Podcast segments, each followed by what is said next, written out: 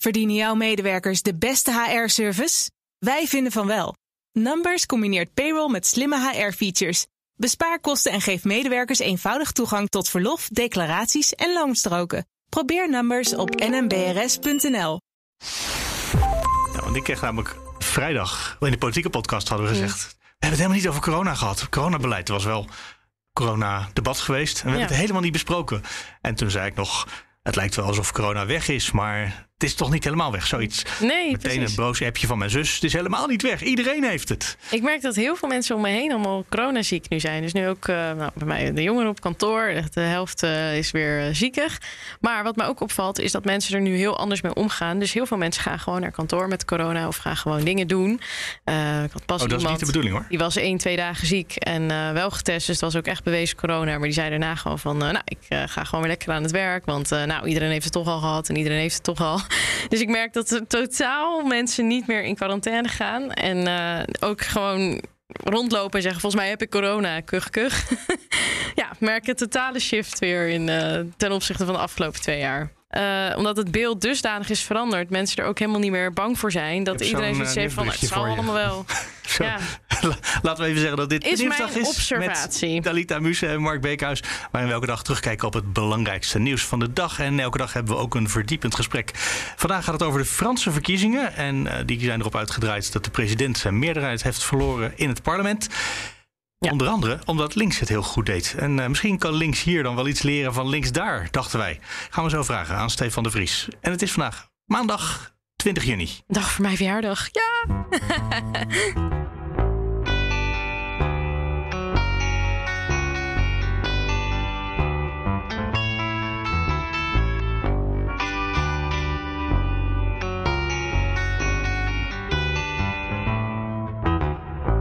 En je kan je abonneren op deze podcast. Precies. Je, je weet hoe het Je werkt, hè? hoeven we niet uit te leggen. Ja, precies. Eh, dan nieuws. Nou, laten we dan maar beginnen met dat eh, coronaberichtje. Want dat is toch, Ja. eh, je zegt mensen doen alsof er niks meer, aan, aan- niks meer aan de hand is. Maar vandaag zijn we voor het eerst weer met 500 mensen met corona in het ziekenhuis. En toch nog ook 20 op de IC. Ja. En dan was er gisteren die onderzoek wat bleek dat vooral jongeren ook heel, heel erg vaak last hebben van long covid. Zeg Ja. het goed? Dat zeg ik nu even uit mijn hoofd. Maar Ja, volgens mij was dat de conclusie. Ja. En eh, terwijl eerst was gedacht dat ze er helemaal geen last van zouden hebben, jongeren. Maar wel dus. Mhm. Het is wel, het is... eh, ja. Ja, we blijven er nog steeds anders over denken. Ik denk ook gewoon heel. Als je, ik, Ja, het gewoon, ik word weer- gewoon helemaal kriebelig als ik dan weer net ook zie van nou dat experts weer zeggen anderhalve meter en mondkapjes willen we misschien weer in. Dat ik echt denk, laat het toch even lekker allemaal gaan. Maar goed, Nee, maar ik zou het heel graag laten gaan. ja, Als dan mensen die een dagje of een paar dagen ziek zijn, dan ook gewoon thuis blijven. Zodat zij nou, dat het, het het leven voor mij beter Daar ben maken. ik het wel erg mee eens. Ik vind wel dat als je ziek bent, maar dat vind ik ook met de gewone griep. Ik heb het altijd Ja. vreemd gevonden dat mensen vol ziek eh, tussen anderen gaan zitten. Dat is Precies. gewoon niet, eh, niet heel eh, verstandig. Dus ik denk dat dat wel heel belangrijk zou zijn. Dat wel weer isolatieplicht komt op het moment dat je positief getest wordt. Nou ja, plicht. Het, het moet voor mij niet eens een plicht zijn. Het is een soort beschaving dat je dat voor je collega's en voor de mensen om je heen wil doen. daar ben ik het Zo, heel erg nou goed. Eh, kennelijk heeft niet al iedereen dat. Ehm, Het is wel vreemd dat het in de zomer dan weer dat er een golf komt. Ik bedoel, dat, dat, het was altijd een beetje zo. In de zomer is, was het juist minder. We zijn allemaal meer buiten. Mm. Eh, eh, nou, is het, was het niet zo dat die andere golven eigenlijk ook altijd al in de zomer begonnen? Die eerste golf, toen we zeg maar in 2020 inderdaad weer overvallen werden na die eh, lockdownmaanden. En toen ging het daarna opeens weer in de zomer eh, ging het weer Dus- opleven. Er zal vast een seizoenseffect zijn, maar toch niet zo hard als met griep. Nee, Nee. Nee. Nou, je zou ook zeggen, mensen zijn wat gezonder. Je bent dus minder op, in dichte ruimtes met elkaar. Het zal wel meevallen. Dan... Maar blijkbaar is het weer een besmettelijkere variant. Eh, ander gezondheidsnieuws, eh, dat vanmorgen via de Telegraaf alvast naar buiten kwam. Een rapport waarin staat dat ultrafijnstof echt gevaarlijk is voor mensen. Eigenlijk wisten we het al, want er waren al eerder onderzoeken gedaan. Maar dit is relevant, want het gaat nu over wat er bij Schiphol eh, in de buurt gebeurt. Dat is ook wel fascinerend. Ja, nu al die dingen over Schiphol. eh dat wordt dus echt compleet onmogelijk voor Schiphol, denk ik nog. Om, eh, om nog. Ja. Nou, het is goed dat dit onderzocht is. En Ja, dat, het is dat het rapport binnenkort naar buiten komt. Dit is vooral hart- en vaatzieken, geloof ik, waar je eh, echt ja, jaren eerder van kan overlijden. Maar het is toch eigenlijk wel te bizar voor woorden. Dat is omdat je, van, omdat je rondom een, uh, een luchthaven woont. Dan heb je allemaal uh, verhoogde kans op allemaal van die enge ziektes. Ja. Dat is het toch niet waard? Ik zou zeggen, dit, ik dacht het eerste toen ik dat rapport zag vanochtend in de NOS, dacht ik van. Nou, dit is de nekslag voor Schiphol. Nu is het toch heel duidelijk. Nu sluit het gewoon. Nu is het gewoon hup, per direct een paar banen weg en, en halveren. Of, dat lijkt me zo evident. Het maakt letterlijk mensen ziek. Ja. Ja, dan is het maar, gewoon per direct sluiten, toch, die handel? Uh, de geluidsoverlast, er was vorige week natuurlijk het onderzoek naar buiten gekomen. Daar worden mensen ook heel ziek van, zeker als het s'nachts is. Ja, doordraaien, ja. Slaaptekort ja. of uh, mentale ja. problemen of wat dan ook. Ja, dus uh, dat het ziek maakt. Nee, maar het is toch vreemd dat we dat zo ondergeschikt vinden aan, eco dat, aan economie? Ja. Het lijkt me zo evident dat op het moment dat je een product bijvoorbeeld hebt wat vergiftigd is of wat kankerverwekkend is, wat dan ook, moet je dat toch ook uit de schappen halen? Hmm. Nou ja, nu wordt aangetoond, dit is een product uh, ja, wat we ook jaren hebben gebruikt, maar wat nu gewoon heel erg ziekmakend blijkt. Nou ja, uit te schappen dus. ja, dat is, lijkt me zo evident. Maar goed, ja, je hoeft bij zal niet nieuws dit nog gaan, recht, uh, gaan rechtbreien? Dit wordt niet rechtgebreid. Nee. Denk ik niet. Maar leidt nee. denk je tot veranderende besluiten? Of tot, nou ja, tot iets meer politieke druk? Of misschien iets meer ja. discussie over de toekomst van de, van de luchtvaart? Maar nou goed, ja. ja.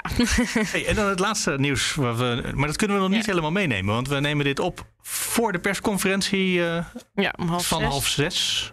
Misschien knopen we er nog aan het eind iets af vast. Dat weet ik nog niet. Maar er is straks om half zes een persconferentie van minister Jette en staatssecretaris Veilbrief. Mm -hmm. De ene van energie en de andere van of energie en klimaat. klimaat en de andere ja. van uh, mijnbouw. Dat gaat over, hoor ik van de collega's in Den Haag, de kolencentrales. Mm -hmm omdat er natuurlijk problemen zijn met Rusland en met de leveringszekerheid. Die nu, uh, omdat Duitsland veel minder uh, gas krijgt.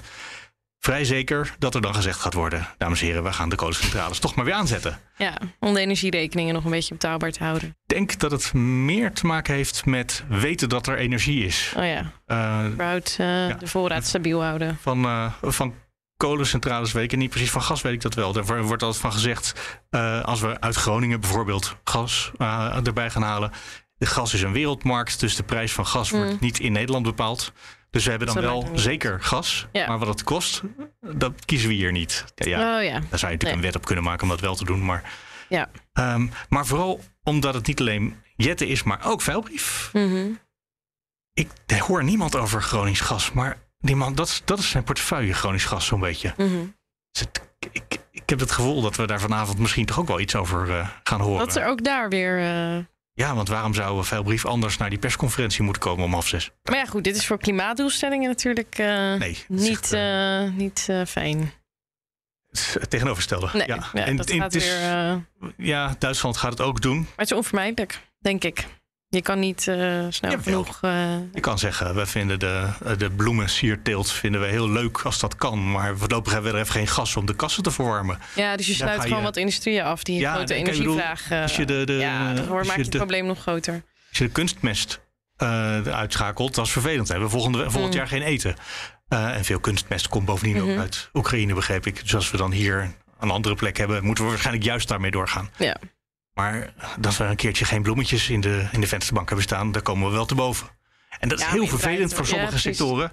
Maar moet je die of weer 100% gaan compenseren. Dat zou waarschijnlijk ook Ja, een is eh, of bloemetjes in de, in de vensterbank of het klimaat, hè? dat is het dan. Die, af- dat soort afwegingen. Als het financieel te compenseren zou zijn, zou ik daar natuurlijk heel erg voorstander van zijn. Ik ben wel benieuwd of ze daarnaar hebben gekeken. Zijn er nog andere manieren dan om de energievraag inderdaad drastisch omlaag te brengen? Ik weet dat En die dat, vraag in de eh, Kamer vaak gesteld is. Ja, Maar ik heb daar van ministers en staatssecretarissen nooit heel veel enthousiasme voor gevoeld. Nee. Maar goed, we gaan het straks horen wat het eh, precies is wat er naar buiten komt. Ja. Dan moeten we nog iets voorspellen. Zal ik maar gewoon voorspellen dat eh Het Gronings. vuilbrief eh, er ja. is omdat hij moet gaan vertellen Groningers. Dat weten we ook al tegen de tijd dat de podcast Leuk, online gaat. ja, dit is de eerste heb. keer dat we een voorspelling hebben die nog Real-time eh, eh, inderdaad eh, de uitkomst gaan weten. Leuk.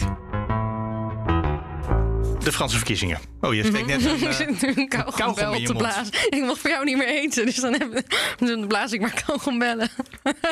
Ja, Dat is onmogelijk. doe hem toch maar even uit. Is goed. Ik hoor hem. Bah. Mhm. Oké, hij is uit. Franse verkiezingen. Ja, Ja. Franse verkiezingen.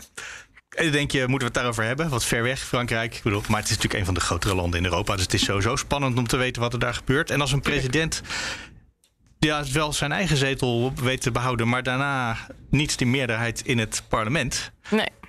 Dan zijn ze in Frankrijk ineens heel erg in de war. De, zeggen ze dat het land onbestuurbaar is. Ja. Zo wees. Ja. Het, het was wel een beetje al voorspeld dat dit zou gaan gebeuren. Toen Macron uh, wel won, zeiden ze... nou, het wordt nog wel heel lastig zo meteen dan met uh, het parlement. Maar dat is dus uitgekomen. En bovendien, links heeft heel erg gewonnen daar. En toen vroegen wij ons vanmorgen ja, af... En de pen ook. Zouden we daar... Ja, ja extreem links, rechts ook. Ja, precies. Oké, okay, misschien dat we die vraag ook moeten stellen dan. Maar kan links hier in Nederland misschien eens leren van links in Frankrijk? Vroegen wel eens af. en die twee vragen samen, die brachten dat we Stefan de Vries... onze oud-correspondent in Frankrijk, Europa-verslaggever tegenwoordig... Uh, gebeld hebben om te vragen of hij hier de antwoord op heeft. En dat heeft hij. Is het nou. niet? Hallo. uh, kan, de, laten we beginnen met de eerste vraag. Kan links hiervan leren in Nederland? Was dat de eerste vraag? Klopt dat? Ja. ja. Als, want in, links is uh, best, best wel gegroeid, hè, daar. Ja, ja, nou, ze hebben vooral een blok gemaakt uh, met de, de, vier linkse partijen. Um, iets uh, waar, ze, uh, ja, waar in Nederland natuurlijk ook over gesproken is. Fusie eventueel tussen GroenLinks en PvdA. Dat hebben ze in Frankrijk twee maanden geleden gedaan. En dat bleek goed uit te pakken. De situatie is natuurlijk niet helemaal te vergelijken met Nederland. Want in Frankrijk heb je een districtenstelsel en niet een proportioneel stelsel. Dus het is veel moeilijker om een zetel te winnen. Um, bovendien, links in Frankrijk is toch echt wel een stuk, ja, hoe zal ik het netjes zeggen, um, ouderwetser, conservatiever, uh, behoudender uh, dan uh, de Nederlandse linkse partij. In ieder geval dan, dan de PvdA en de GroenLinks. Misschien maar, want waar staan dat... ze voor dan? Wat vinden wij hier niet wat ze daar wel vinden? Nou, ik denk dat in Nederland over het algemeen de rol van de markteconomie niet echt uh, ter discussie staat. Misschien wel de manier waarop de markteconomie functioneert. Maar in Frankrijk, uh, vooral dit linkse blok, dat bevat echt nog wel een kern van uh, communisten, marxisten, trotskisten. voor staatsingrepen in de economie, voor nationalisering. Um, uit de EU stappen als het, als het kan, uit de NAVO stappen. Um, dus dat oh, zijn dat klinkt wel een klein beetje SP. Ja, ik weet niet of de, de SP wil geloof ik niet uit de NAVO, maar die zijn nu. Nee, nee maar je zou Jean-Luc Mélenchon ja. inderdaad uh, met de SP kunnen vergelijken en dan nog een, nog een stuk meer naar links. Ik vind het wel grappig dat jij ze conservatief noemt, want ik snap wel conservatief in de zin van dat daar dan iets in zit van in het eigen, hè, op het eigen land uh, gericht. En dat het natuurlijk mm -hmm. dan uh, bij de communistische en de marxistische stromingen aansluit. Maar ik merk ook wel dat veel uh, jongeren het juist als heel progressief aanduiden. Dus die vinden het juist een hele progressieve vorm van links. Omdat ze ook voor basisinkomen zijn. En ja, een beetje die, die vernieuwen het eigenlijk een soort nieuw socialisme. Nou, het is vooral heel conservatief. Um, en uh, ook sociaal gezien totaal niet echt vooruitstrevend. Um, maar dat, ja, dat hoort bij het land. Uh, mm-hmm. Het land is, is, is uh, tot in de botten toe conservatief, behoudend, angst voor de toekomst. Um, dus ja, dat is wat ik dan vertaal als progressief.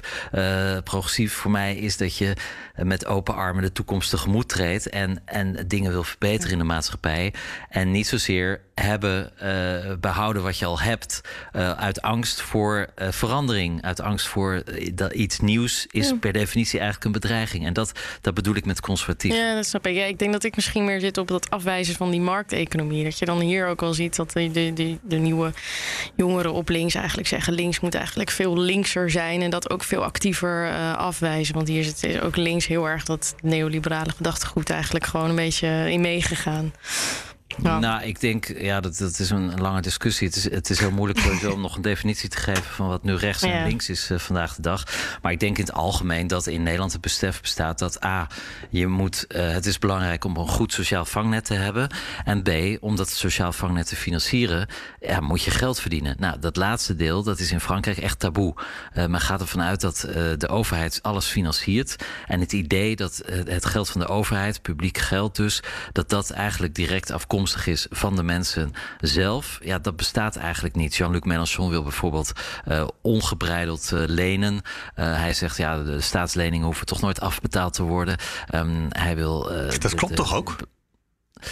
Nou, nee, dat klopt niet. Want de rente, de rente loopt nu heel snel op. En de rentelasten, dus in Frankrijk, waar de staatsschuld enorm is, um, meer dan 120 procent van het uh, bbp.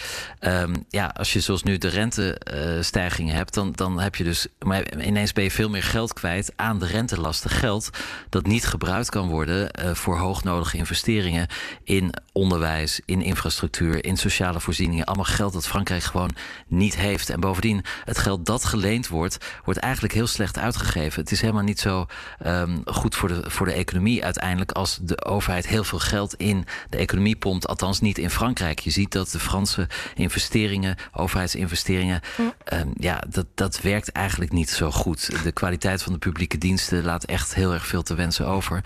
En ja, Mélenchon, Jean-Luc Mélenchon, dus de aanvoerder van het linkse blok NUPES, um, die wil graag dat de overheid nog meer geld gaat uitgeven. Maar, maar wat verklaart dan zijn enorme populariteit? Want mensen zullen daar toch ook wel enigszins hier een beetje de, de redelijkheid van dingen kunnen inzien. Uh, wat, wat, wat verklaart dan dat hij zo populair is? Nou, kijk, het, het, hele concept van publiek geld, dat dat uh, geld is van ons allemaal. Ja, ik, ik, kan, ik chargeer een beetje, maar goed, ik heb er 22 jaar gewoond. Uh, dat, dat besef bestaat eigenlijk niet. Voor de Fransen is de staat een geldautomaat die zweeft boven de, boven de maatschappij. En dan kan je ongebreideld geld uithalen. Nou, iemand die dat belooft, dat dat kan, dat je ongebreideld geld uh, zult krijgen, dat er heel veel geïnvesteerd gaat worden, dat de belastingen hoger worden, dat er geld wordt afgepakt van de rijken. Ja, als je, als je heel weinig verdient in Frankrijk. Maar je, je noemt het bijna een soort populisme, of eigenlijk zeg je dat, het is het echt is, populisme. Het is populisme. Het zijn absoluut. beloften zonder ja, de. Ja. Ja, het is, het is populisme, absoluut. En ook, ook uh, grenzend aan nationalisme. Um, Jean-Luc Mélenchon is, is anti, uh, wil het liefst uit de Europese Unie stappen, al zegt hij dat niet.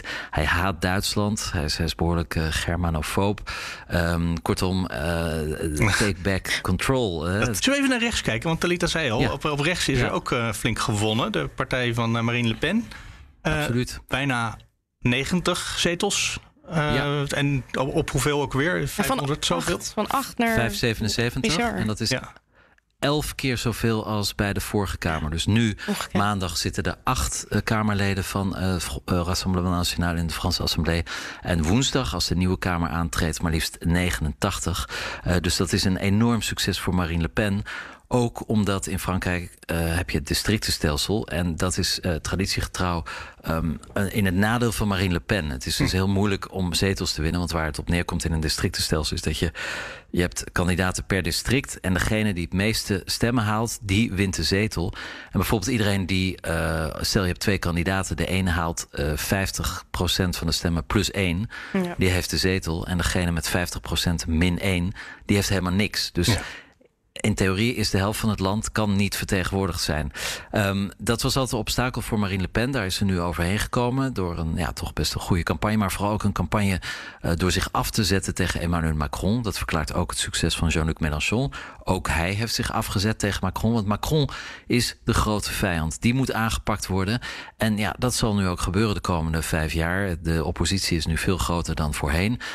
Emmanuel Macron heeft zijn meerderheid verloren. En zal dus nu, net als de Nederlandse regering, in de Eerste Kamer voor ieder onderwerp moeten gaan onderhandelen met de Assemblée. En ja, dat.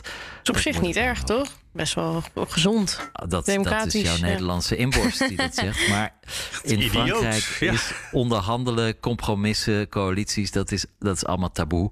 Um, dat, dat, dat, dat zit niet in de traditie. Um, de, het is, de politiek is echt de confrontatie opzoeken. Um, elkaar uh, neerslaan totdat er eentje uiteindelijk uh, dood neervalt. En dan heb je gewonnen. Um, en een compromis is per definitie in Frankrijk altijd al. Um, uh, dan heb je al verloren. Dus en dat dood neervallen. Dat is heel lastig. Dat zou wel eens kunnen gaan gebeuren. Want de linkse partijen zeggen nu al. we gaan een snel, heel snel een motie van wantrouwen indienen. tegen de Franse regering. Dan vallen ze. Ach. Ja, ja, dat klopt. Met de, de, de grote, um, dat ze nu zo groot zijn, de oppositie. Dat geeft hen ook heel veel nieuwe. Um, ja, mogelijkheden. Uh, bijvoorbeeld meer geld, meer spreektijd, meer vergaderruimte. Maar inderdaad ook de mogelijkheid om moties van wantrouwen in te uh, dienen. En nu Macron de meerderheid niet meer heeft, zou het best kunnen dat er af en toe zo'n motie van wantrouwen wordt gestemd. En ja, dan heeft Emmanuel Macron er weer een probleem bij. Bovendien, ze kunnen ook heel veel amendementen indienen. Dat is hun nieuwe recht als, als grote groepen. Um, en daarmee kun je wetgeving echt heel erg lang vertragen of saboteren. En dat betekent eigenlijk dat de komende vijf jaar Emmanuel Macron nauwelijks iets meer kan doen. Zijn hervormingen, ja, daar zal het, ehm, die zullen stokken in de assemblee. Zijn Europese ambities, ja, die worden helemaal uh, in de assemblee met heel veel argusogen bekeken. Dus daar zal hij toch ook water bij de wijn moeten doen. En ja, in het algemeen, uh, hij is nu gewoon lam geslagen. Hij is echt heel hard afgestraft. En zal dus een manier moeten vinden om zijn komende vijf jaar um, nog vol te maken als president van Frankrijk. Hij had ook geen verkiezingen kunnen uitschrijven. Hij had een meerderheid. Waarom deed hij dat? Het is wel traditie, maar het, het, leek onverstandig. En het is het ook achteraf. Nou, nee, ja, dat is, dat is de logica dat na de Franse presidentsverkiezingen dus de parlementsverkiezingen volgen. En normaal is het dan zo dat de winnende president uh, anderhalve maand later ook op steun kan rekenen in de assemblée. Dat heeft Macron ook duidelijk gezegd. Hij heeft gevraagd aan de Fransen: geef mij een meerderheid, zodat ik efficiënt kan regeren. ze hebben geantwoord. Nou, Fransen hebben geantwoord inderdaad. Het was een duidelijk uh, non. Hij kan, uh, als hij wil, de assemblée ook weer ontbinden. Um, daar hoeft hij... Uh, ja, Gewoon nog een keer. Hij, hij is de enige die dat bepaalt. Ja, de, de grondwet-experts ehm, zijn er niet over uit of dat direct kan of dat hij een jaar moet wachten na deze verkiezingen. Maar in ieder geval kan hij dat doen. Het zou kunnen zijn dat hij dit uh, over een jaar doet. Maar als dan de uitslag nog negatiever is voor hem, ja, dan, dan, dan rest hem niks anders dan op te stappen. In ieder geval zal hij komende dagen uh, waarschijnlijk een nieuwe regering aankondigen. Um, de premier, um, die het nog maar twee maanden bezig is in Frankrijk, Elisabeth Borne, die zal dan mogelijk ontslagen worden of niet. Maar in ieder geval heeft uh, Emmanuel Macron er echt een enorm groot probleem bij. En ja, er lagen al nogal wat op zijn bordje. De inflatie, de oorlog in Oekraïne, de energietransitie. En nu dus eigenlijk het, uh, het politieke failliet van het Franse presidentiële systeem. Gaan we er hier eigenlijk iets van merken? Nou, niet direct, maar kijk. Via um, Europa? Frankrijk moet natuurlijk echt, uh, dat, dat horen we al jaren, Frankrijk moet hervormen. Nou, dat gebeurt steeds maar niet. Uiteindelijk zitten we allemaal in hetzelfde schuitje. We zitten in de eurozone met elkaar in de Europese Unie. Een, als een zwak Frankrijk is uh, slecht nieuws voor de Europese Unie. Bovendien, um, allerlei dingen die Macron heeft beloofd op Europees gebied, um, die kan hij mogelijk niet eens waarmaken. Um, en bovendien verliest hij natuurlijk ook een deel van zijn geloofwaardigheid als de staatsschuld nog verder zal stijgen, als de werkloosheid uh, zal stijgen als het begrotingstekort zal stijgen, dan heeft hij gewoon ja, toch minder macht in, in, of in ieder geval minder geloofwaardigheid in Brussel. Die macht zal hij wel grijpen. Maar eh, waar het op neerkomt is dat eigenlijk de sterkste man um, die we hadden in Europa, althans in ieder geval qua retoriek over de waarde van de Europese Unie, um, ja, die is nu vleugellam. En, en ja, we moeten maar zien hoe dat gaat. Hoe is dit ingeslagen, dit, uh, deze uitkomst in Frankrijk? Is het, uh, is het echt uh, aardverschuivend geweest? Of wat is een beetje absoluut, de stemming? ja, ja, ja. Iedereen is in... Uh, Shock. in ieder geval aan... Ja, zeker bij de partij van Emmanuel Macron. Le Parisien, groot dagblad vanmorgen, had, had één woord op de cover. Dat is onregeerbaar. kortom, het, het, is een chaos. Het is een, een, een situatie zonder precedent. En, maar wel met een president. En die dan ook meteen het probleem is. Um, maar goed, nee, het is, het is, niemand weet eigenlijk wat er nu gaat gebeuren. Want dit is een, dit is een volledig nieuwe situatie. Um, en vooral met twee extremen die zo ontzettend hebben gewonnen. En ook nu al, nu al beloofd, vandaag al beloofd hebben, er keihard tegen in te gaan. Dus uh, ja, dat wordt nog een spektakel in de Franse Assemblée. Maar uiteindelijk uh, gaat het land er niet, uh, niet op vooruit. Stefan de Vries, dankjewel. Okidoki, graag gedaan. Dankjewel. Spannend vind ik het. Spannend? Ja, spannend vind ik dit. Waar zit dat in? Ik vind dat wel interessant. Want nou ja, weet je, nu ik ouder aan het worden ben, oh. merk ik ook dat ik bepaalde tijd. Nee, ja, dan hoor je oudere mensen altijd zeggen van, oh ja, ik heb die premier voorbij gekomen en die en die. En nu weet ik, was ik, was ik heel bewust toen de campagne van Macron begon, nou Mars, en toen heb ik ook zijn boek gelezen en zo. En dan, toen was hij het nieuwe elan. Ja. En nu zie je, volgens voor mijn gevoelsmatig zit een tijd, tijdperk wat op zijn einde is met Macron. En dat is gewoon, uh, vind ik fascinerend om te zien. Dat je dan even zo terugdenkt en denkt, oh ja, weet je. Ja, het kan zijn dat hij weer terugkomt. En, ja, natuurlijk, hij zou zich kunnen revancheren. Als hij de eerste keer te blijven, maar... de mensen geworven heeft, dan kan het nog een keer. Zeker, ja. Maar het is uh, spannend om de komende tijd te volgen hoe dat zich gaat ontwikkelen. Laten we snel nog even onze e-mailadres noemen. De nieuwsdag.bnr.nl. Twitter, ook de Nieuwsdag. Instagram heet we BNR. Precies. En Talita Muse, als je die wil vinden. Mark Marks op Twitter. Ja, het BNR ook op Twitter. Jij moet er vandoor. Ik ga ja. nog even zo naar die persconferentie kijken. Ja, ik ben heel benieuwd wat er ook met de voorspelling gaat gebeuren. Misschien heb ik straks al wel een oh, punt, punt gehaald. Ja, punt nou, er kwamen net al berichtjes van het ANP dat ik misschien dat toch niet ga krijgen. Nee? We oh. gaan het allemaal zo zien. En um, sowieso kan je ook morgenochtend luisteren naar de podcast Ochtendnieuws. Die gaat hier ongetwijfeld ook uh, ja. over praten. Want in Ochtendnieuws krijg je elke ochtend in 20 minuten het nieuws van de dag uh, uitgeserveerd. Maar dan aan het begin van de dag door Bas en Iwan.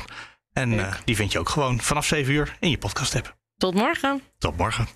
Ja, trouwens, jij, jij gaat ze zegt tot morgen, maar ik zit hier nog. Ja, ja, precies. Tot zo. Tot morgen. Nou, dat punt met die voorspelling heb ik inderdaad niet binnengehaald persconferentie is inmiddels een flink eind onderweg. En ik wil daarbij benadrukken dat er op dit moment geen acute gastekorten zijn. En we weten inmiddels dat minister Jette de eerste fase van de gascrisis heeft uitgeroepen. Vanwege deze zorgen kondig ik vandaag het eerste niveau van gascrisis aan. Dat is uh, een soort waarschuwing. Het zou wel eens mis kunnen gaan. Daar horen al wel maatregelen bij. Onder andere dat de kolencentrales weer op vol vermogen elektriciteit mogen opwekken om gas daarmee te besparen. En die kolencentrales die draaiden maar op een derde, 35% kracht, om uh, klimaatredenen, om de CO2-uitstoot uh, te verminderen. Maar die mogen dus de komende tijd, in ieder geval tot 2024, op vol vermogen draaien. Dus dat hadden de bronnen uit Den Haag goed aangevoeld allemaal. Maar mijn voorspelling ging natuurlijk over wat staatssecretaris Velbrief ging zeggen. En die zei niet dat er weer meer Gronings gas naar boven gehaald gaat worden. Integendeel, hij blijft erbij dat het dicht moet daar. Pas wanneer een dermate groot gastekort zou ontstaan dat de veiligheid van mensen in het geding is, omdat we bijvoorbeeld geen gas meer hebben om ziekenhuizen te verwarmen, te koken of dieselolie te maken, dan pas komt de inzet van het Groningenveld ter discussie. Ik herhaal, het is mijn bedoeling het Groningen gasveld in 2023 of 2024 te sluiten. En toch zit ook daar een kleine verandering in. Het Groningenveld gaat op de waakvlam. Dat betekent dat er niet meer wordt gewonnen dan strikt nodig is om de putten open te houden. De geopolitieke situatie heeft me er wel toe gebracht om alle elf productielocaties in Groningen open te houden op de waakvlam. Dus niet een paar, maar allemaal. Zo, en nu kan ik het ook zeggen. Tot morgen.